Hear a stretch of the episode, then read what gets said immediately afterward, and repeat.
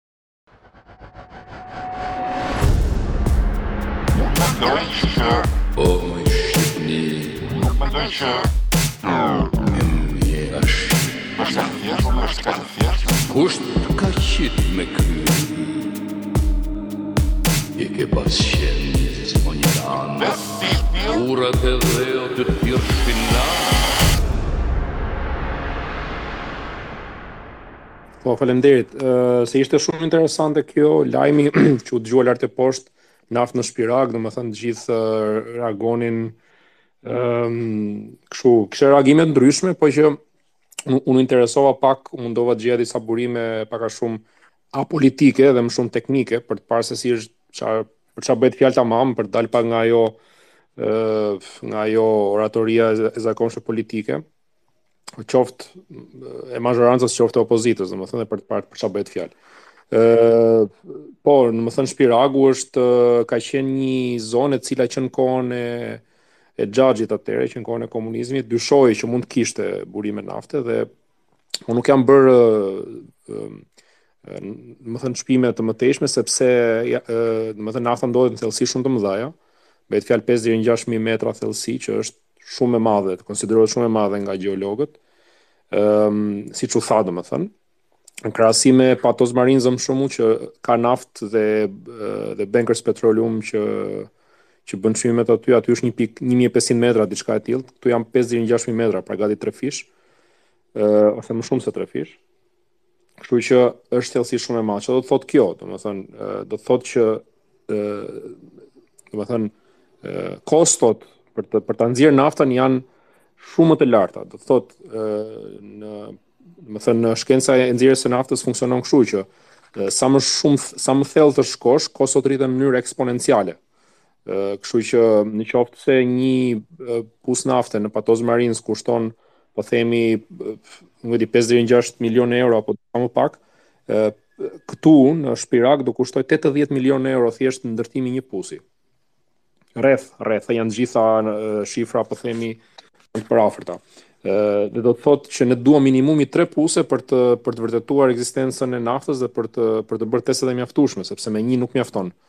Ky që u shpua tani i Shellit ishte i dyti dhe duhet minimumi një i tretë për ta vërtetuar. Më pas, kush është problemi tjetër? Problemi tjetër është problemi i kohës, sepse ë ë që të nxjerrësh naftë nuk është kaq e thjeshtë. Duhet një minimumi një vit e para 6 muaj për ta hapur pusin dhe 6 muaj për testim dhe një gjysmë viti tjetër për të për ta vënë në përdorim, domethënë, dhe dhe të gjitha këto bëjnë që të themi po themi me të gjitha këto, domethënë hapja e pusit, shpimi, testimi, vënia në përdorim, ndërtimi i infrastrukturës së caktuar shkon 5 deri në 10 vite, po themi nga ky moment, në qoftë se do vazhdojmë, do ta vazhdojmë si histori. Domethënë, është një histori pak më e koklavitur teknikisht sesa ajo që u parashtrua, se normalisht kryeministri ka ka atë interesin që ta që ta parashtrojë si një si një lajm të madh apo ku di unë gjetje gjetje të madhe, por që është thjeshtësisht teknike dhe dhe dhe jo më shumë se kaq. Dhe për më tepër se aq ka ka vështirësi më të mëdha se ajo e Fierit, sepse Fieri për shkak se është i lidhur me Vlorën është shumë shumë afër Vlora dhe ka afërsi shumë po themi lehtësi shumë të më, shumë shumë të madhe transporti.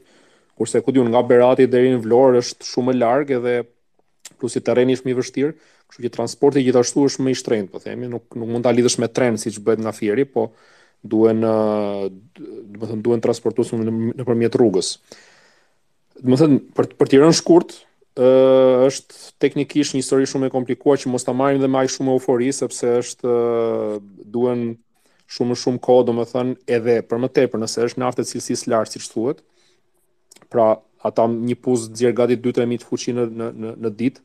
Një fuçi me çmimin e sotëm është 80000 dollarë, po themi, dhe duhet minimumi 2 vite për të nxjerrë kostot e një pusi. Ëh, domethënë plus po themi kosto të tjera transporti 80000 dollarë, po thu 80 ndoshta. Jo 80000 dollarë një fuçi, po themi, dhe duhet ëh Jo, kaq është, kaq sa kaq sa. Domethënë bëhet fjalë për një për sepse çmimi ndryshon, ë, janë janë janë të gjitha këto janë janë janë, janë me përafërsi, nuk janë të sakta, por që për t'i rënë shkurt që mos mos mos ta bëj shumë të thellë, është domethënë koha 5 deri në 10 vite, po themi nëse është naftë dhe nëse është naftë e cilësisë së lartë, ë duhet po aq kohë domethënë që të nxjerrë kostot e veta. Dhe nga aty fillon që që gjithë ajo që vjen mbi atë pastaj është fitim, të cilën pastaj se si do shfrytëzohet, kjo është muhabet tjetër, po themi ëm është një histori e gjatë dhe e koklavitur domethënë.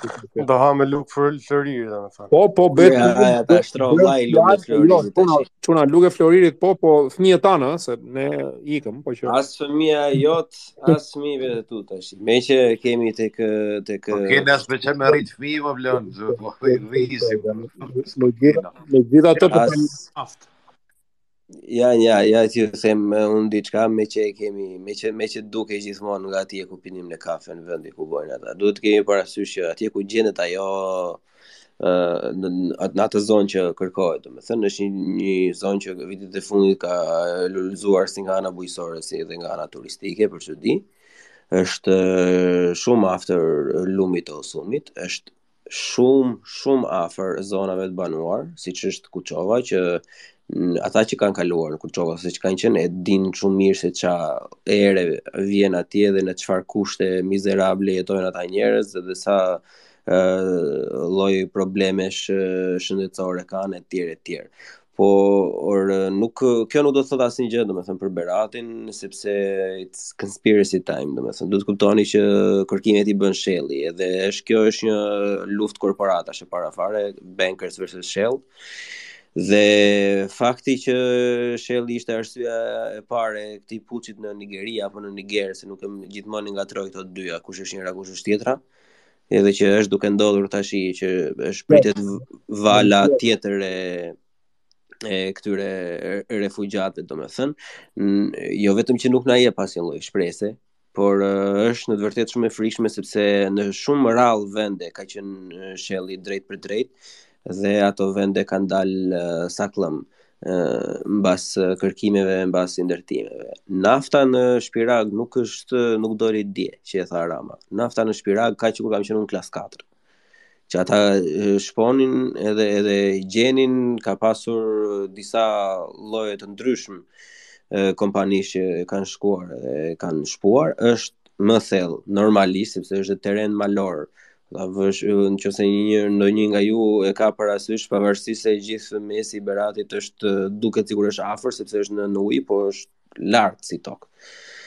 Edhe edhe formacionet e tokës normalisht janë më të forta se sa janë ato të pjesës poshtë të Fierit, domethënë. Edhe ajo cilësia e lartë që trumpeton Rama nuk është, nuk është cilësia më e lartë, është cilësi e mirë, por që të gjitha këto, do me, e di si është kjo, kjo është një karamele mbas 40 viteve, 40 ditësh agjërim, e kupton? Nuk e di, unë i mbushet barku njeriut me këtë karamele, e, apo jo, sepse ne nuk kemi asnjë lloj gjëje për to. Ne, domethënë, jemi vjedhur uh, as as brekët nuk na i kanë lënë, domethënë se edhe në qoftë se e marrim të mirë që nga gjithë këto faktet e sipërpërmendura, neve nuk do ja shikojmë hajrin në asnjë lloj uh, momenti asaj nafte sepse uh, nëse do të bësh uh, uh, prosperitet për komunitetin, për shtetin, nëpërmjet resurseve minerale e materialeve normalisht duhet të kesh përpunimin branda dhe ne nuk sot e kësaj dite që flasim kemi zero rafineri aktive në, me sa jam unë në dijeni edhe në momentin që ti do nxjerrësh naftë do eksportosh, nuk ke asnjë lloj ndryshimi përveç ngjyrës së lëkurës me një shtet afrikan ku minohet kobalt edhe këto gjërat që bëhen për baterinë sot e kësaj dite. Asnjë lloj ndryshimi tjetër ne nuk kemi me këta, ne jemi thjesht un fatkeqësisht Në qoftë se kjo është e vërtetë, un kam më shumë frikë se sa në qoftë se nuk është e vërtetë, sepse shpirtërisht përgatitem për të qenë kurbani i radhës i Shellit. Edhe ju ftoj të gjithëve, në qoftë se keni ndonjë ditë të mërzitshme, thjesht futuni në rabbit hole-in e Shellit, kudo që ka qenë, edhe do ta kuptoni se çfarë pesti apo çfarë, çfarë murtaje i ka vajtur Shpiragut dhe Beratit edhe Shqipërisë bashkë.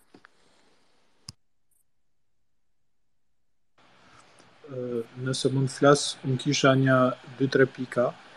Ë pika ime e parë është që ky është për mendimin tim është një lajm i mirë. Domethënë, po ta marr në aspektin makro sepse sigurisht që mund të ketë ndotje në Shpirag, në Berat etj etj. Po nëse është e vërtetë ajo që thotë kryeministri që do kemi të ardhura të konsiderueshme 500 milionë euro në vit etj etj.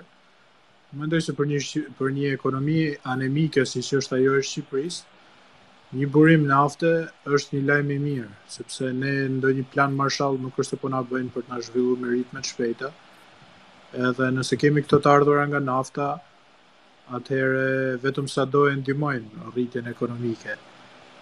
Edhe mos harrim që kemi të bëjmë me vendin më të varfër në rajon, pas vetëm Kosova mund të jetë më e varfër se ne.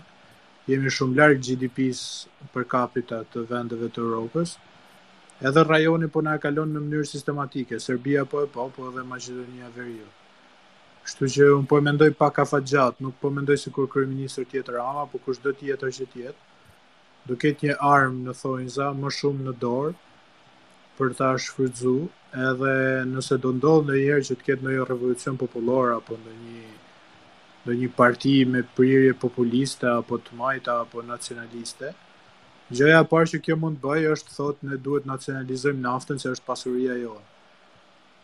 Edhe për ta lidh pak me atë që përmende ti Bleon për konspiracionin apo për politikën e jashtme për këtë grushtin e shtetit që ndodhi në Niger, është e vërtetë që këto vendet e Afrikës kanë vetëm burime, por mos harrojmë që vend i cili ka vetëm burime është edhe Arabia Saudite. Edhe Arabia Saudite pa pa inxhiniera, pa industri, pa asgjë, vetëm me atë naftën e vet, arrin edhe e luan lojën edhe mundohet të bëjë politikë, jo mundohet, po ia arrin të bëhet faktor në politikën e jashtme edhe ta bëj lëmsh gjithë lindjen e mesme. Tani unë s'po them se mori gjithë futbollistat nga Europa i bleu Arabia Saudite, edhe më. Mori edhe Cristiano Ronaldo.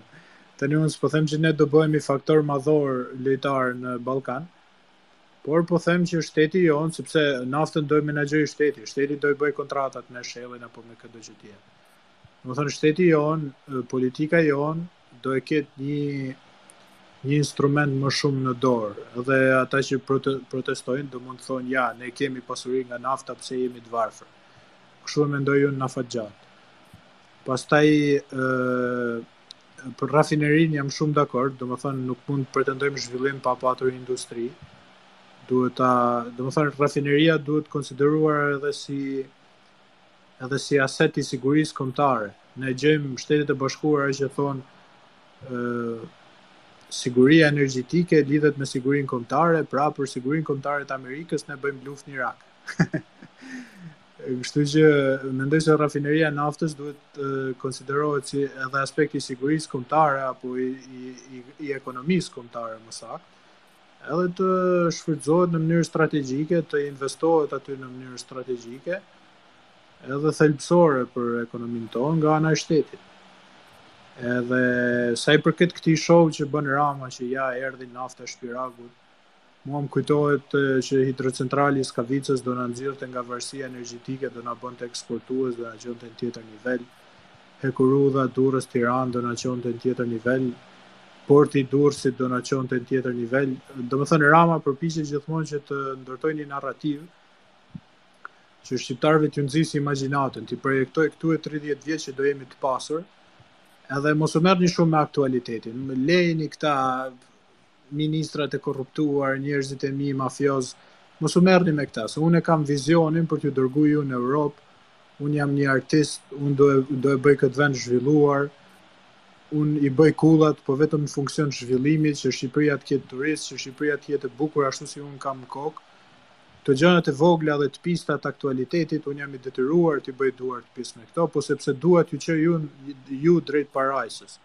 Dhe hajde ndiqini vizionin tim, edhe pse unë jam i rrethuar nga kriminelët, s'ka problem, le të shkojnë ata në burg. Më besoni mua, pra nëse dikush futet te faqja e Ramës, shikon një Shqipëri e cila është përrallore, shef disa plazhe të bukura, shef investime, nuk shef asgjë nga Shqipëria reale. Dhe mendoj se është një pilulë të cilën shumë njerëz e hanë, ndonjëherë edhe emigrantët e hanë, se ata që janë në Shqipëri S'ma merr mendja që e han shumë me rrogat treqind e pesëdhjetë mijë lekëshe, por mendoj se është pjesë e narrativës edhe unë mendoj se edhe Rama po sondon, se tani ndoshta po e bëj shumë politike, po nga ana teknike nuk është se marr vesh shumë për nga nafta, s'marr vesh fare. Por unë mendoj se Rama po sondon, domethënë pasi pasi ka fituar zgjedhjet, pasi ka ndërtuar një sistem patronazhimi kapilar, pasi ka nënshtruar bandat dhe ose më saktë i ka vendosur në funksion të vetin, pasi me sistem zgjedhor ka penguar çdo lloj lëvizje të reje që të dalë në në pah, pasi me mediat e veta kontrollon opinionin publik, pasi shoqërinë civile e ka ulur nëntëdhjetë gradë që i bën shërbim vetëm atij, përveç dy tre organizatave që kanë ngel të pavarura, pasi opozitën e ka shkatërruar po edhe e ka korruptuar, siç e pamë me këtë Mount Tirana, i ka blerë i ka fut te xhepi i vogël. Domethënë, shqetësimi i vetëm i tij mund të jetë ndonjë revoltë popullore që vjen nga pakënaqësi, nga ndonjë vrasje, nga ndonjë rast kështu katastrofe. Marrëdhëniet me ndërkombëtarët i ka të mira, kështu që unë shikoj atë, domethënë nuk shikoj ndonjë gjë në logjikën e tij, çdo gjë është lineare. Ai mjafton çdo çdo diktator gjithmonë i ka folur popullit të vet për sipërmarrje të mëdha, për industri të madhe, për arritje të mëdha që populli jonë do shkojë nuk e di se ku do shkojë përpara në histori. Edhe njerëzit janë ftuar që mos ta shikojnë realitetin, t'i t'i mbyllin hundët në emër të asaj që do arrihej nesër. Edhe në komunizëm do arrihej parajsa, parajsa gjithmonë vinte nesër. Sot ishte ferr, po sot duhet ta vuash këtë ferrin që të shkosh nesër në parajsë. Në fakt njerëzit po të ishin pak më të vetëdijshëm do e kuptonin që realiteti tregon për të ardhmen. Nëse ti sot po qeverisesh me korrupsion, nëse ti sot po qeverisesh me banda, nuk do kesh një të ardhme të ndritur, do kesh një të ardhme që e pjell korrupsioni dhe banda. Kështu që do duhej t'i kërkonin llogari për të ardhmen, për të tashmen, jo për të ardhmen. Por ai është një mjeshtër për ta për ta vendosur debatin publik aty ku do, sepse ne tani po diskutojmë për Shpiragun, do duhej të ishim duke diskutuar për Ilir Beqjen apo nuk e di për çfarë skandalesh të tij. Ai është ekspert për ta imponuar debatin publik dhe ne jemi të detyruar t'i shkojmë nga mbrapa. Po, ia jap fjalën Astritit se pasaj unë du t'ka du ta prek pak anën teknike për sa i përket naftës, po të flasë njëherë Astriti pasaj. Jo, kjo puna nëse që ne po e diskutojmë që po flasim për kosto, po flasim sa vite na duhet me, me i marrë fitimin e tjerë e tjerë mungesën e rafinerisë, edhe pazaret që mund të ketë ba, domethënë, qeveria me, me kompaninë që ka ba shpimin. S'asht puna jonë, ne Po flasim këtu asht si si ajo shprehje që thotë te te nusja hanë e pinë te dhanrri gja nuk dinë, domethanë, ata kanë fillu me hangër me pi. Ne jena te dhanrri, ne as dimë gja, as kena me ditë gja kurrë, a kuptën, ato pazaret i kanë ba, i kanë ba vetë ato.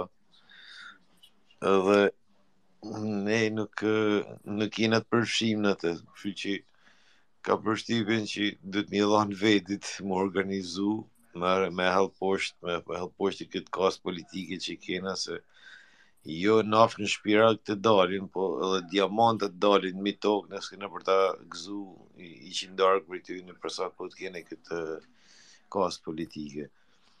Kështu që kam përshtypjen se duhet me i dhanë pak vedit. Kërë që isha. Unë duhet të prek pak te kjo pjesën teknike në qoftë se o atë ifin, e ke vërësysh se...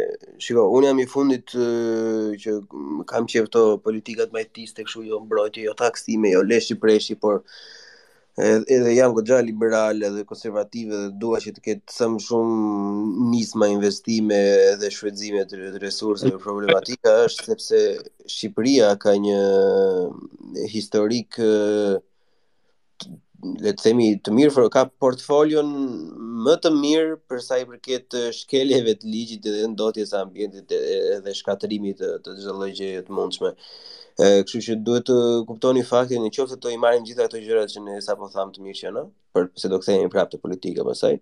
Ne kuptojmë faktin që Berati ka ka vite që që kalon në thatësi në Berat në, në tokat bujqësore që prej marsit mund të fusje krahun deri në sup në të çarat e tokës dhe duke u nisur nga sa shumë ujë kërkon nxjerrja e naftës, domethënë kjo do të ishte katastrofale për për Beratin edhe pavarësisht se e, nuk e di se ku lexova një nga ato ditët që po thoshin që është lumi është shumë afër.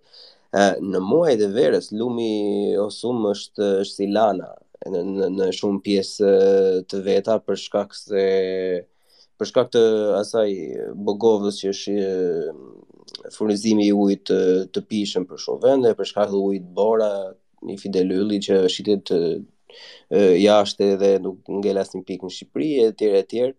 Edhe normalisht gjithë shkrirja e borës që vjen nga Tomori nuk është si më përpara, kur lumi ishte i bollshëm edhe në verë edhe në dimër po po, kështu që në dimër shikon ato përmbytje që dilin atëherë në në, në ekranet televizive, edhe në verë e kalon në këmbë, domethënë se se nuk të gjen gjë Kështu që duke u nisur nga mënyra se si janë bërë këto projekte të shfrytëzimit të resurseve në Shqipëri, ë në qoftë se nuk do ketë një plan edhe në qoftë se nuk do niset me me këmbën e mbarë që që nga dita e parë ky lloj projekti, ë edhe edhe atë pak gjë që ka Berati për të ofruar, ky do japi edhe shkelmin e fundit që do e rrënojë komplet se Berati tashmë ka vdekur. që për ata që nuk e dinë, e vetmja gjë që mund të shofsh në Berat tash është turistë gjermanë, ka më shumë turistë gjermanë kur unë shkova se sa se sa njerëz shqiptarë që sillen vërdallë qytetit. Kështu që në qoftë në qoftë se kjo gjë nuk do bëhej ashtu siç duhet, duke u përputhur gjitha normave që duke u nisur nga Shqipëria dhe kultura e Shellit nuk ka për të qenë ashtu. Ë do ishte ai kapaku i arkivolit të të këtij qyteti që unë e dua shumë. Nexhi. Po, faleminderit Blon. Ëm, uh, po, domethënë pak a shumë të njëjtën që do thoja edhe unë, po Te pjesa e parë fola më shumë për disa shu shifra duke marrë parasysh ose duke duke vënë Shpiragun në Suedi, po themi në kushte ideale dhe duke marrë parasysh që njerëzit do ishin të interesuar ta shfrytëzonin maksimum dhe dhe dhe prap nuk duhet të ishim shumë euforikë. Tani duke futur dhe faktorin që ai është në Shqipëri, duke ditur si funksionojnë qeveritë tek ne dhe njerëzit e tjera e tjera. Jam dakord me Astritin pak a shumë që tha që ne nuk e dimë fare çfarë ndodh mbrapa nesh, mbrapa mbrapa perdes, domethënë edhe duke ditë dhe këtë gjë, kjo më bën akoma më pesimist edhe kështu që kjo histori e Shpiragut është si një pikë në oqean dhe nuk nuk besoj që ka fare. Domethënë përfundimi është ky që nuk ka nuk ka arsye për të për t'u bërë euforik ose për të për të festuar, domethënë nga historia historia e naftës së Shpirag. Kjo ishte kjo ishte e gjitha që doja të thoja. Ore nuk ka nuk ka asnjë lloj Shpiragu që e bën Shqipërinë. No. Po nuk u bë individi si si njeri vetë që të fillojë të ngrejë pyetje edhe edhe të plasi nafta, edhe 1 metër larg tokës të jetë nuk nuk ka shanse të të, të bëhet vendi. Për të rëpruar Petros, Sepse ti je nga Berati një pyetje. Po Shpiragu, është ai mali që ka shkruar Enver, Xhaxhi Enver, a çfarë është një kështu? Po, po, fiks ai është. Po, po. Tani e kanë shkruar po, Never. Po, e kuptova, domethënë, po. E do, ja prite dhe nja 2-3 vite se do bëjmë Edi Rama. Amaneti i fundit, po. Ta lëm gati atë naftën. Po Blon, a bën me ta bë një sugjerim, Blon. Urdhëro. A do ta bëjmë një i kështu, ta bëjmë një si, si tip fushate sensibilizuese për njerëzit kështu me me sloganin kur do mblidhemi që një ditë të diskutojmë që do na bë Më advancer për zotin e kështu nuk shtyhet më. Unë, a kena mundësi me ba diçka tjetër se kur do mblidhena, kur kur kur do vendosim ne si shqiptarë me u mbledh edhe me me, me ndërmarrë, me ba një veprim, domethënë me me shku drejt asaj gjëje. Me shku drejt ndryshimit, sepse ne vetëm po rrimë diskutojmë, domethënë, bombat e, e famshme të politikës shqiptare, dita mas ditës, për, për çdo ditë ka nga një të re. Deri kur kena me vazhdu kështu, domethënë, deri kur do, do vazhdojmë të diskutojmë fenomenet, jo t'ja lëmë fajin njanit ose tjetrit, dhe në fund fund nuk zgjidhim asnji gjo. Pa, pa, pa ba asnji lëvizje, pa ba asnji lloj, asnji lloj rezistence kundrejt kësaj kaste që është. që është në pushtet në Shqipni. Domethënë, a kena mundësi me bo diçka? A, ti i ke partitë e reja, mbështeti? Po, po i mbështes, po nuk i kam këtu se janë atje, se unë jam larg, nuk jam Shqipni. nuk i kam këtu. Se t'i kem këtu i mbështes edhe këtu. Mbështeti financiarisht.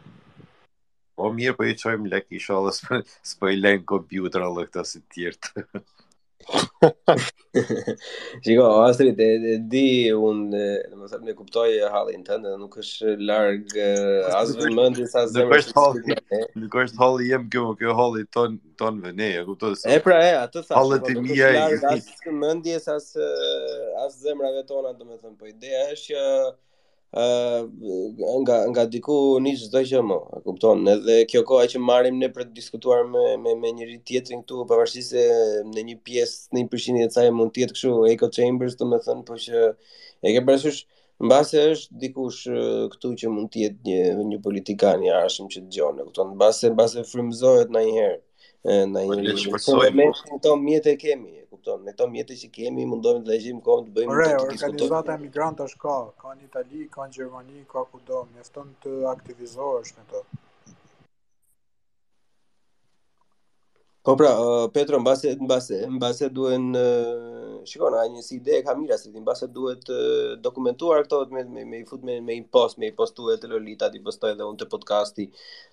Domethënë që ku mund të aktivizohen njerëzit.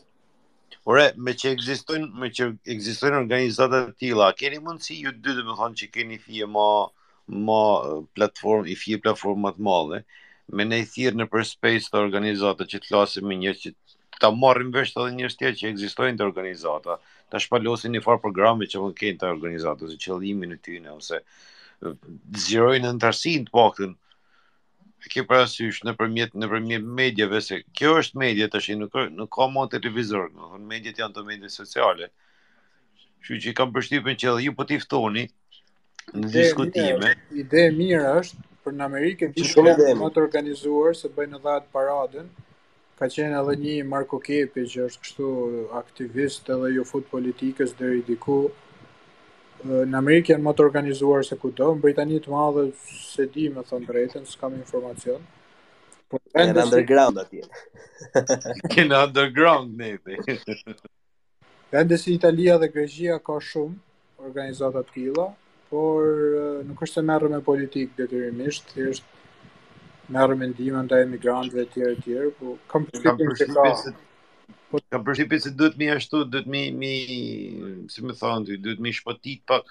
ose mi mi mi çu në drejtim në qoftë se nuk janë si, si gjithmonë nëse nuk janë ajo që... që është ka promovu votën e migrantëve ja harrova të shiqi si quhet e përmenden ata të thurjes është një organizatë që merret me këtë punë po duhet duhet me i kërku e me i gjet pak se nuk vin nuk vijn te goja Jo, jo, absolutisht, po them si ide kishte kenë e mirë me i pru në space, dhe domethënë që me, me informu dhe njerëz që të paktën ata që kanë dëshirë me baj diçka që të grupohen ose gjenë kontaktet në vendet ku, ku janë ata që janë jashtë paktën qoftë i Amerikës, qoftë i Anglisë, qoftë Italisë ose Gjermanisë, pak rëndësi ka jo. Them kishte kenë ide e mirë me i thirrë në space, na i, i këtë dritare kena informacioni të saktë, sepse me nisë prej ça thotë televizori ju lumshin krahët.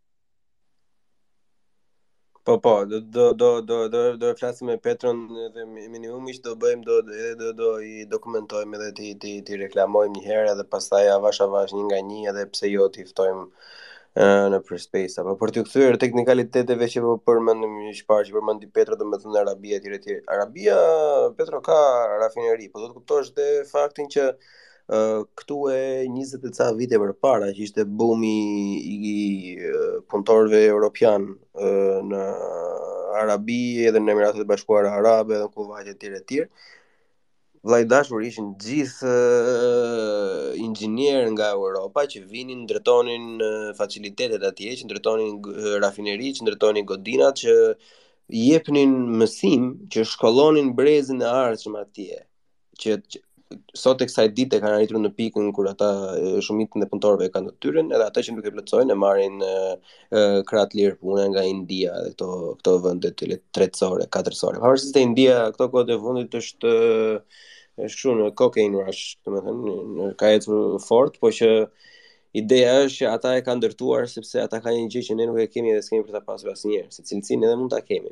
Ore ia ia kaluam me cilësi. edhe asaj të Arabisë. Po ne nuk e kemi asnjëherë atë lloj volumi që kanë ata. Edhe as as nuk, domethënë, nuk krahasohet fare, fare. Nuk të plasi ndonjëherë nafta aty tek oborri i shtëpisë kur del për të pirë kafe në mëngjes. Ë, kështu që, domethënë, pra, janë dy raste të tjera. Po, e mora si shembull për të thënë që nafta mund të mund të të rrënojë, po mund të të bëjë edhe faktor politik apo gjeopolitik kaq se për t'u krahasuar nuk krahasohet.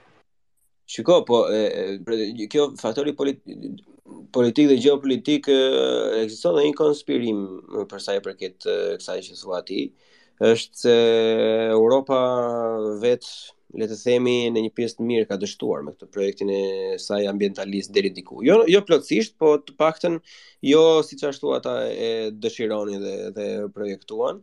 dhe normalisht po mundohen që të krijojnë këtë pavarësinë energjetike në një lloj mënyre hibride që nuk janë të pavarur komplet, por po mundohen të gjejnë kështu burime sa më të afërta, domethënë sa më afër Europës, sa më me, me që kanë vende ndikimi më të madh të Europës se sa vende si Arabia që siç e dimë ne që do të futet tek ajo si e ka ajo emrin.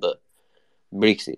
Do të edhe do të edhe ka kërkuar të futet te BRICS-i, a është futur s'e di, edhe edhe ka luajtur këto rolet le të themi kingmaker kohët e fundit për sa i përket disa politikave si të vogla ashtu edhe të mëdha, apo qëndrime, apo këto lidhja me Kinën etj etj. Ë e ke parasysh edhe normalisht Europa tani i ka si ajo pula që që kërkon kashtën kur i vjen veza në byth se janë përpara. ë është duke krijuar këtë, le të themi, duke përforcuar zonën e influencës, që përkthehet jo vetëm te nafta më, e kupton, përkthehet edhe te mjekët edhe te te se çani gjatë gjithë kohës ju se ikin mjekët nga Shqipëria për shembull po dyfishi i mjekëve kanë ikur me me me punëtorë kështu DHL-je, McDonald's, e ke parasysh është Çdo gjë është resurs dhe normalisht përpara naftës dhe resursi numër 1 është krahu i punës, forca punëtore, njerëzit etj etj. Po Petro. Desha të them në lidhje me këtë zonën e influencës. Domethënë uh, unë e kuptoj zonën e influencës, por jo detyrimisht është gjë Nëse Shqipëria apo Ballkani bëhen një lagje e Europës apo një lagje e Gjermanisë, edhe këtu kujtoj atë procesin e Berlinit që do na sillnin fabrika ë për të shfr për shfrytzuar krahun e, e lirë të punës etj etj, ta bënin një një zonë ë të integruar ekonomikisht me njëra tjetrën, një zonë që nuk eksporton emigrantë e tjera. Unë mendoj se kjo nuk është shumë gjë e keqe për ne, sepse duke parë rendin botëror, Europa është një kontinent i privilegjuar. Se Shqipëria po të ishte në Afrikën e Veriut për shembull, askujt nuk do i plaste për ne. Për faktin që jemi një, në Ballkan, një zonë mu në zemër të Europës, ndërmjet Greqisë dhe Italisë. Edhe një zonë që ka prodhuar probleme të mëdha politike, lufta e parë botërore ka lindur në Ballkan. Dhe duke qenë të tillë, duke patur një perspektivë europiane, mendoj se nuk mendoj se kemi një ar një të ardhme të zymtë. Mendoj se kemi një të ardhme më të mirë se që, se që kemi pas më përpara apo se që kanë pas prindërit tanë, sepse po shohim edhe Bullgarinë edhe Rumaninë, me një mijë e një probleme që kanë. Për shembull, Bullgaria është një shtet mafioz, ku mafia është shumë më e fuqishme se edhe e organizuar se në Shqipëri. Por e kanë shtyrë drejt Europës, Europa e ka, e ka thithur drejt vete, sepse ka nevojë edhe ta, ta luftojë influencën ruse E, siç thashë, në Shqipëri e në Bosnjë ka nevojë ta influencojë si influencën ruse ortodokse, po edhe influencën e Turqisë në rajon dhe fuqive të tjera. Kështu që ne kemi nevojë për ata, ata kanë nevojë për ne dhe unë mendoj se vetëm sa do rriten ekonomitë tona dhe plus fakti që do na kërkojnë standarde, ë mendoj se do na ndihmoj, do na ndihmoj kjo për për të spastruar një një kastë politike. Dhe vetë ai aki komuniter po t'i shohësh kapitujt që ne do na duhet të hapim. Këto indirekt shkojnë edhe në në favor të popullsisë, sepse nëse ata të kërkojnë ku di unë standarde për produktet ushqimore apo në zbatimin e ligjit apo standarde mjedisore, ajo sigurisht që ka implikime edhe për popullatën vendase. Sigurisht që Europa ka dhe një projekt kështu po e quajmë neokolonialist që do ta shfrytëzojë Ballkanin për për krah të lirë pune, do ta shfrytëzojë si treg, po edhe ne e shfrytëzojmë Europën, e shfrytëzojmë për emigracion, e shfrytëzojmë për fonde, të para aderimit, siç ishin fondet IPARD për shembull, që në vend që t'ia çonin bujqësisë, i merrnin dhe jepnin miqve të vet për të ndërtu vila. E, kështu që nuk e shoh negative që jemi në zonë influence të Evropës. Diçka tjetër që desha të them është lidhet me një argument që nuk e di kush e përmendi, Nexhi m'duket, që e tha, historia i jep të drejtë të fortit. Edhe unë jam dakord me këtë argument, edhe nëse ne do i kuptojmë marrëdhëniet ndërkombëtare, do shohim se nuk është se ka një ligj si në marrëdhënie ndërmjet individëve apo në marrëdhënie ndërmjet qyteteve brenda të njëjtit shtet. Marrëdhënia ndërkombëtare, duke mos pas një polic në thonjza apo një xhandar që mban rregullin, janë të bazuar edhe mbi forcën kur vjen puna, se nëse Rusia do kishte pushtuar Ukrainën, atëherë shtetet e tjera do ishin përshtatur me faktin. Nëse Rusia pushton një pjesë të Ukrainës, prapë se prapë do bëhen marrëveshje ndërkombëtare, do përshtaten me faktin. Kështu që ne duke qenë të ndërgjegjshëm për këtë ligjësi që e, e udhëheq politikën, po themi politikën e jashtme të vendeve, edhe në raportin tonë me Greqinë, edhe në raportin tonë me Serbinë, edhe me Italinë, me cilindo shtet, duke patur këtë vetëdije, Kjo mund të na ndihmojë që të na nxisë ta rrisim fuqinë e shtetit tonë, ta rrisim fuqinë, kapacitetin ushtarak, kapacitetin ekonomik që është tejet i rëndësishëm, kapacitetin njerëzor që mos të mos ta lejojmë këtë katastrofë demografike të shpopullimit të Shqipërisë e gjitha tjera. Domethënë, uh, mund të na ndihmojë vetëdija për këtë koncept, konceptin e të fortit në marrëdhënie ndërkombëtare, për të ndërtuar një, një mënyrë të re të, të, të organizimit apo të funksionimit të shoqërisë tonë dhe për ta kuptuar që nuk ka as nuk ka drekë falas në kuptimin ekonomik, po as nuk ka një botë të drejtë kështu dhe të standardeve dhe të respektit. Secili shtet ka interesat e veta dhe ne duhet të mësojmë të bëjmë interesat tona. Okej, okay, Mali.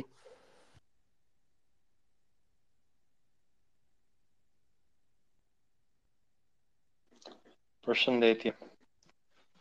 Përshëndetje, mirë se erdhe. Mirë se ju gjeta. Uh, për rreth gjysëm orë ose pak më shumë ju ndoqa që flisni në lidhje me me Arvanitas, me Belerin.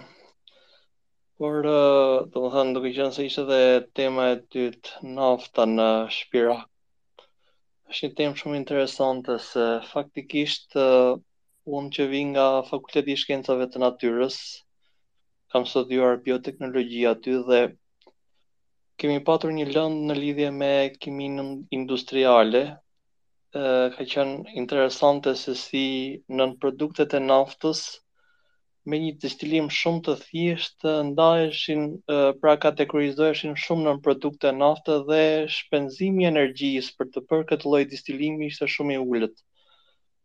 Edhe në diskutimet e sipër me profesorin Spiro Drushku, që sot është dekan i fakultetit,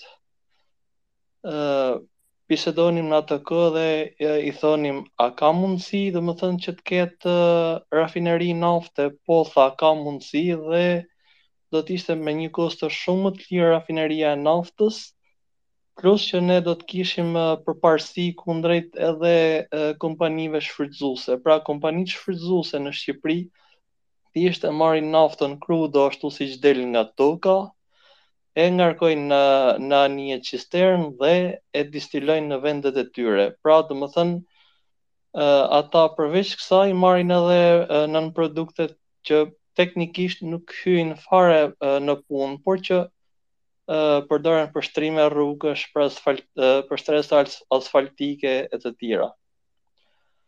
Gjithë gjithë ideja është, domethënë që produktet tona ose çdo shtet duhet të ketë që ndërton politika është se duhet t'i përpunojë në vendin e vet. Pra, domethënë, hapen vende pune, ë zhvillohet edhe vetë industria, domethënë, zhvillohet edhe vetë degë të rëndësishme universitare për studimin e naftës, për kategorizimin e mineraleve të ndryshme. E kështu zhvillohet edhe gjeologjia. Nëse nuk bëhen këto hapa, pra nëse nuk investohet në në tregun vendas të universiteteve, të diplomave, apo dhe vetë administratës publike apo edhe private, ne nuk mund të ne nuk mund të themi që jemi përfitues të drejtpërdrejtë të këtij zbulimi ose ose ë të kësaj gjetje që që ka bër Shelli shpimit. Pra Shelli me politikat e tij sigurisht që synon që atë produkt ta rrëmbej të gjithin edhe të kaloj të jap një rentë minerare që ë duke e krahasuar me rentën minerare të disa vendeve të fuqishme ne 15% domethënë 10 10% renta e përgjithshme plus 5% më duket vetëm për naftën në vendet e tjera kjo rentë ishte diku në 85%, 90%. Pra një zhvillim kuptohet kolosal. Për naftën e ke? Po, për naftën. Është e pamundshme që të ketë rentë 85%. 50-50 është marrëveshja më e mirë që arrin nivele të zhvilluara, ndërsa në vende këto të Afrikës së Veriut apo të Lindjes së Mesme, ju japin 80, 20 ose 90 me 10, po që ta taksosh 85% është e pamundur. Për mendimin tani, tim. Tani vend prodhuesi naftës është edhe Amerika, edhe Meksika, edhe Venezuela dhe ë detyrimisht, domethënë këta kanë një rentë shumë të lartë minerare mbi mbi naftën.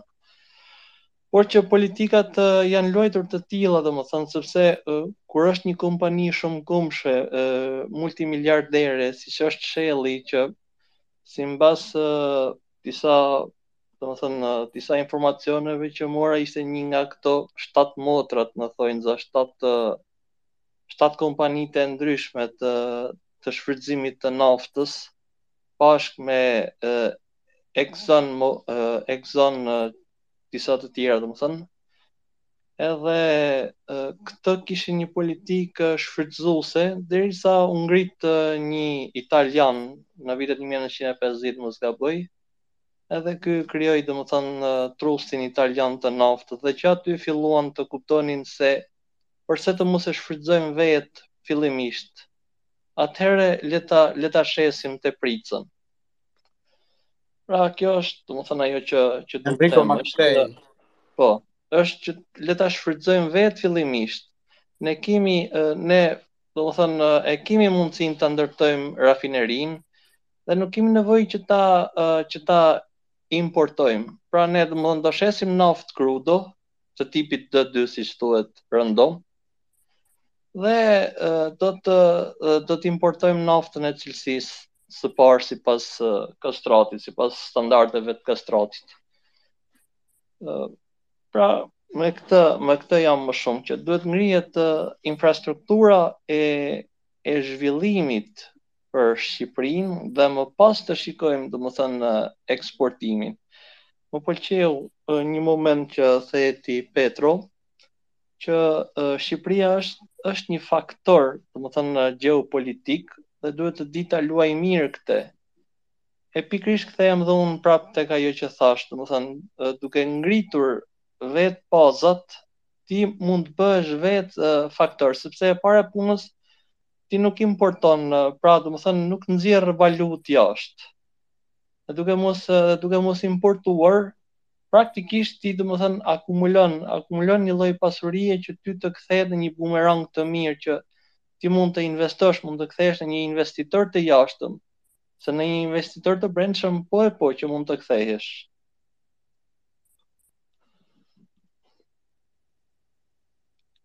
Uh, shiko, uh, Ermal, të shtoj po. diçka këtu, ja, se i kam edhe burime të sakta, po unë kërkoj ndjesë se nuk mund të nuk mund të ndaj burimin për arsye të kuptueshme në arenën shqiptare, është se këto shfrytëzuesit shqiptarë, domethënë çfarë lloj kompanie që ka qenë. Edhe kjo është 100% e sigurt pa dallim fare. E si të jashtëm si të brendshëm, bile në shumicën e rasteve të jashtëm në bashkëpunim me ato të brendshme kanë ngritur skema për uh, vjedhjen uh, jo vetëm të fondeve, por edhe të sigurimit të punëtorëve, edhe mospagimit të punëtorëve në mënyrë të rregullt, nuk kanë paguar asnjë taksë Bankersi për shembull ka, ka një lloj skandali, domethënë gjyqi me shtetin shqiptar me sa di unë nën atë nën vellon e mediave edhe pa u përmendur akoma është diçka akoma aktive edhe sot e kësaj dite që janë me miliona për mos thënë miliarda lekë taksa për t'u paguar, domethënë që akoma sot e kësaj dite nuk ka ndodhur Edhe unë përputhem 100% për sa i përket mendimit të ndërtimit dhe shfrytëzimit të, të brendshëm sepse nuk bën sens që të ne të fillojmë të bëhemi në kështu eksportuese etj etj nëse e kemi edhe na duhet more që edhe ta edhe ta përdorim vetë këtë këtë lloj resursi por ideja është se siç përmendi dhe, dhe Petro në fillim fare më duket se e përmendi apo nuk e di kush e përmendi është se Neve, është është shumë politike, pavarësisht se mund të kemi njerëz shumë të aftë, domethënë si inxhinierë, si njerëz që mund të mundsohen të ndërtojnë këto procese të ndryshme, domethënë që mund të sjellin të gjitha ato risitë e nevojshme. Aq shumë sa është e përfshirë politika, hajdutllëku, makutëria, mafia, leshi, dreqi, shejtani, domethënë Zor se se se do ja shofi njeri atë hajrin ashtu siç ne e duam domethënë. E ke parasysh edhe se nuk bëjmë dhe pyetje ne. Unë u habita domethënë se ti shpjegove disa gjëra në detaj që unë edhe nuk i dija aq në, në aq detaj domethënë. Por që është ajo që thot Petro në fund që ai e luan e hedh e hedh atë mollën domethënë e sherrit aty në mes e do merren njerëzit me këtë tani edhe nuk bëjnë më pyetje fare sepse e kanë fjetur mendin që ne kemi naftë të cilësisë të lartë do bëjmë lek edhe do kujtohen prap të pyesin vetëm kur mos të bëjnë lek domethënë që ore po me atë naftën ça u bë edhe Po dal gati. No, normalisht, domethënë është është krejt normale mënyra se si luan uh, letrat uh, kryeministri, i ka në dorë uh, më pëlqeu edhe një fakt uh, që bëri një përmbledhje Petro të të, të gjithë, të gjithë aspektit uh, politik aktual që ne kemi vetëm vetëm kryeministrin dhe ai është e vetmja figurë Po, a nuk duket uh, si një uh, si një lloj forme që, domethënë ato vendet që kanë një interes mbi Shqipërinë kanë krijuar një lloj uh, kanë krijuar uh, një lloj domethënë që uh, barazie ose ekuilibri që Shqipërinë as nuk e tërheqin, as nuk e lëshojnë.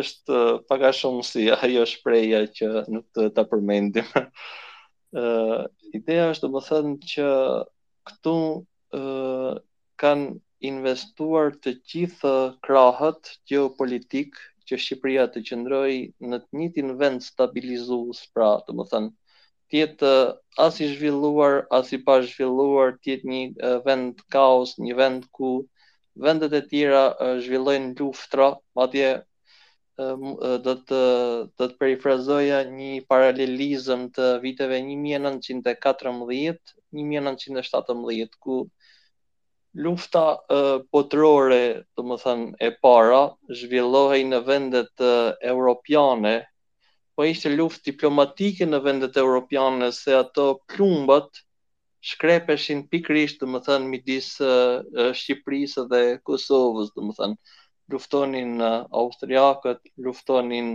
bullgarët, maqedonasit që donin të kishin edhe ata një shtet të tyre, pra një shtet tampon uh, jastëk midis, uh, midis Greqisë dhe Bullgarisë, luftonin vetë turqit, Edhe kjo, domethënë, e bënte Shqipërinë një vend, domethënë, sa faktorizues për rajonin, aq edhe një mungesë, domethënë, totale e një identiteti.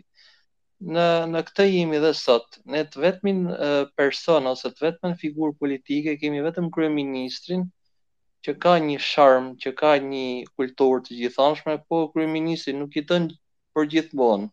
Kryeministri nuk është kombi, nuk është shteti. Pra kryeministri është i vetëm aty, ikën kryeministri si gur shahu dhe pastaj mbetet po prap ajo Shqipëri pa asnjë lloj përkrahje, pa asnjë lloj pa asnjë lloj domethënë pse sepse është është tentuar që të luhet gjithmonë e njëjta politikë, pra që Shqipëria as të mos tërhiqet dhe as të mos lëshohet. ky është ky është një budallëk, pra unë mendoj që ka ardhur koha që të jemi ne ata që të flirtojmë me të gjitha fuqitë e mundshme.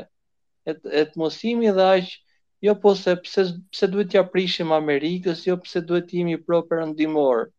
Shoku pro perëndimor dhe pro serb të bëjnë apo pro rus të bën vetëm fuqia ekonomike.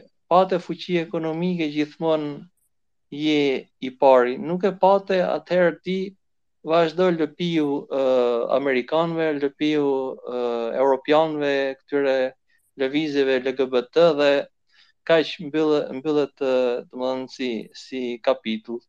Po që nafta tani, domethënë dalja e naftës prap mendoj unë se është vetëm një është vetëm një kapitull i ri i Domethënë, kur s'kemi çarë bëjmë, le të luajmë derën. Bukur, fort. Në që ka blon lidhje me këto që tha Ermali? Po, thua që edhe dhe që që të edhe dolëm prap nga tema se ai na është bërë si pes, na është bërë si mortje i Rama, kudo që kudo në çdo deg që futemi tek ai përfundojmë prapë edhe edhe do na mbajë shumë atje. Kështu që të mundohemi të konkludojmë, e kupton se u bëm si Çani, pastaj me late night show. Vërtet është. Desha të them që nuk jam shumë dakord që ne as po na tërheqin as po na lëshojnë. Mendoj se po na tërheqin më shumë se kurrë në historinë tonë, të paktën dekadave të fundit. Edhe këtë e tregon kjo drejtësia e re që u bë në Shqipëri, e tregon hapja e negociatave, siç e përmenda për kapitujt e acquis communautaire, e tregon futja në NATO, domethënë, ne duket sikur po na tërheqin në uh, sferën e tyre të influencës gjithmonë e më shumë. Edhe mbaj mend që para shumë vitesh ne uh, muhabete me shokët e kërkonim këtë, thonim, ore, po pse ne jemi i vetëmi vend që na kanë lënë pas dore, domethënë, këta e bënë Greqinë shtet, e bënë Serbinë shtet, I fu, e futën Greqinë NATO, e futën Turqinë NATO, iu dhanë plan Marshall të gjitha vendeve europiane, Jugosllavinë e ndihmuan me borxhe në kohën e luftës së ftohtë. Ne sikur na kanë injoruar dhe ne aty jemi, nuk është se jemi shumë larg Europës, aty e kemi Brindizin përballë. Edhe duket sikur ata tashi po na e japin dorën në një farë kuptimi, Edhe dhënia e dorës është edhe shtrëngim, sepse sigurisht që do kërkojnë edhe favoret e veta dhe ne po e shohim me atë ujin që ia marrin Gjirokastrës e ia japin Puljes. Po pastaj varet si e luan ti lojën. Po unë mendoj se ata po na tërheqin. Edhe nuk është detyrimisht gjë e keqe. Lidhur me atë që tha për luftën e parë botërore, edhe aty kam një kundërshtim të vogël sepse në luftën e parë botërore Europa luftonte në Verdun, luftonte nëse ti e ke lexuar patjetër librin Asgjë e re nga fronti i Perëndimit, njerëzit masakroheshin kot më kot me gaz, me bajoneta, me me artileri për të marrë ku di unë llogore, për të marrë 1 kilometër terren. Edhe lufta që kemi bërë ne në kohën e luftës së parë botërore është është një komedi në krahasim me atë që kanë bërë vendet e mëdha. Edhe edhe në raport me luftën ballkanike, unë kur kam lexuar mbi luftën ballkanike kam thënë është krejt e çuditshme se si ne kemi shtet. Sepse atëherë në kohën e luftrave ballkanike ne arrinim bënim maksimumi 20000 ushtarë. Ndërsa Serbia, Bullgaria, Greqia kishin kishin divizione, kishin regjimente, kishin edhe armata të tëra, të cilat i angazhonin në beteja me njëra tjetrën. Serbia dhe Bullgaria në kohën e luftës së parë botërore apo ballkanike kanë luftuar me me me me divizione, me korparmata me njëra tjetrën. E po ti harron faktin se një pellazg është sa për një divizion sllav.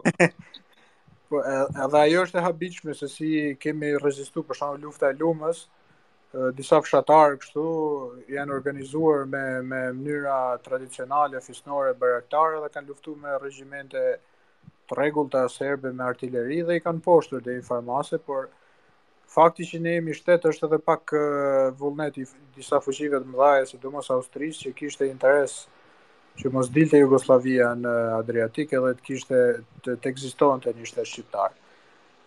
Nejse, për te kjo është është me interes edhe ajo puna e Enrico Mattei që e përmendi. Enrico Mattei ka qenë një italian i cili e themeloi atë ENI-n që quhet sot, që është një që është kompania kryesore e energjisë në Itali dhe e naftës që bën marrëveshje me Libinë etj etj. Dhe ai e pati shumë të vështirë për ta për ta sfiduar sistemin, sepse sistemi ishin ato shtat motra që i përmendi Ermali, Shelli, Exxoni, Totali e këto tjerat. Edhe Totali është francez, është ajo që shfrytëzon naftën në vendet në vendet e Afrikës, edhe tani afrikanët po i dalin edhe kundër Francës. Te ky grushti i shtetit në Niger pash që gjënë e parë kishin i kishin thënë ambasadorit francez të largohet, pra sikur po e po e sfidojnë pak neokolonializmin. Edhe ka qenë shumë e vështirë edhe për italianët për t'u futur në ato tregje, për t'u futur në Algjeri, në Libi e tjerë tjerë, sepse Edhe ky Enrico Mattei në fund u vra, në një avion u rrëzua avioni në rrethana të dyshimta dhe e vranë. Është shumë vështirë për ta Këta gjithmonë me aviona vriten në vëllë, dhe i... edhe edhe ai uh, ukrainas, ai që ishte ai kuzhinieri rus, rus është ai, është ukrainas. Po mendoj është mënyra më e lehtë për ta simuluar si aksident, ose kjo ose me aksident me makinë, po nejse. Edhe kjo që the, ata kanë partner vetëm kryeministrin dhe duket sikur s'është askush tjetër. Unë mendoj se këtu ka faj edhe jo shoqëria aq shumë, po opozita shqiptare, sepse opozita shqiptare nuk duhet ta lejë kryeministrin si interlokutor të vetëm të tyre atë Edi Ramën. Domethënë duhet të vendosi një njeri normal nga trutë në krye të saj një njeri që nuk është në dosje, një njeri që nuk po e quajnë të korruptuar dhe hajdut, edhe një njeri që e do populli shqiptar, nuk ka antipati për te. Po nëse opozita do vazhdojë në këtë lloj mënyre me njerëz të cilët janë të diskredituar politikisht dhe shtyje sa ta shtyjnë duan më shumë të mbijetojnë se sa të jenë alternativë për të ardhmen, atëherë sigurisht që Rama do jetë interlokutor i vetëm dhe ne do hamë në përspesa duke thënë o bobo sa e keqe autokracia. e fundit fare në lidhje me orientimin pro perëndimor, mendoj se është e drejtë që ne të përpiqemi të marrim investime edhe nga Kina edhe nga arabët, pse jo? Por orientimi pro perëndimor është i detyrueshëm për ne sepse a për shkak të historisë, a për shkak të pozitës ku jemi, domethënë, jemi të, të dënuar në thojza të shkojmë drejt Europës, edhe drejt vlerave që Europa ka, liberalizmit, shtetit të së drejtës, demokracisë funksion, demokracisë përfaqësuese e të gjitha me radhë. ë Mendoj se gjithsesi kjo nuk na pengon që të bëjmë politikën tonë edhe në rajon edhe me shtete të tjera nëse kemi nevojë për investime, por mendoj se na ndihmon shumë nëse ne përpiqemi apo nëse ne luftojmë me qeveritarët tanë për t'ju afruar idealeve të Evropës. Kaq edhe e mbylla Blon. Po e mbyllim se edhe fluturuam shumë. Ne kishe kishe diçka përmbyllëse për të thënë apo Uh, me thënë të drejtën, jo, për këto që u thanë tani në fund, s'kam ndonjë gjë, domethënë, tjetër që mos përsëris veten uh, për çështjen e këtij zbulimit të madh në thonjëza, domethënë siç u tha, është, domethënë nuk është gjë e re, është e vjetër, Diedi tha në klasë të 4 po që unë dëgjova që, që ka dekada të tëra që, që dihet si, si gjë. Aty ku, ku, ku, nafta, ku kafja mban erë naftë, domethënë.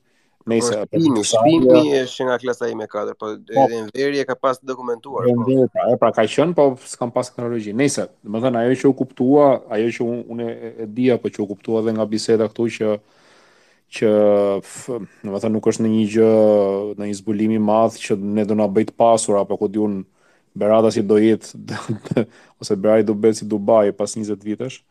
Uh, unë nuk kam ndonjë, ndonjë shpresë të tillë ose që do ose që do shfrytëzohet për mirë etj etj. Shpresoj, shpresoj ta kemi gabim edhe koha të na, do ta tregojë që kemi gabim. Po që përveç kësaj asnjë gjë tjetër, domethënë thjesht ju falenderoj për po, uh, Cristiano Ronaldo me loz për Tomorin. Po, marrim Cristiano, po, çuni i Cristiano Ronaldos dhe Messit do luajë për Tomorin në në në brezin e ardhshëm. Po që për ta mbyll uh, fjalinë e fundit, Ju falenderoj për bis për për ftesën dhe për mundësinë për të për t'u shprehur, për të folur për këto tema në në space-in tuaj. Edhe asnjë gjë, ju falenderoj. Bukur, bukur, bukur, bukur, bukur. Hajde pra, uroj që kush ka ngel beqar, gjettë nuse nga Shpiragu. e faleminderit që ishit në këtë hapësirë publike Petro nuk diskutohet fare vëlla i dashur faleminderit të gjithëve që dëgjuat sidomos edhe juve që ngelët deri tani në fund jeni jashtëzakonisht shumë të mirë edhe do ridëgjohemi herën tjetër deri atëherë qofshi mirë që të gjithë natën e mirë Faleminderit dhe Ermalit që u fut edhe nuk arriti të fliste kurrë.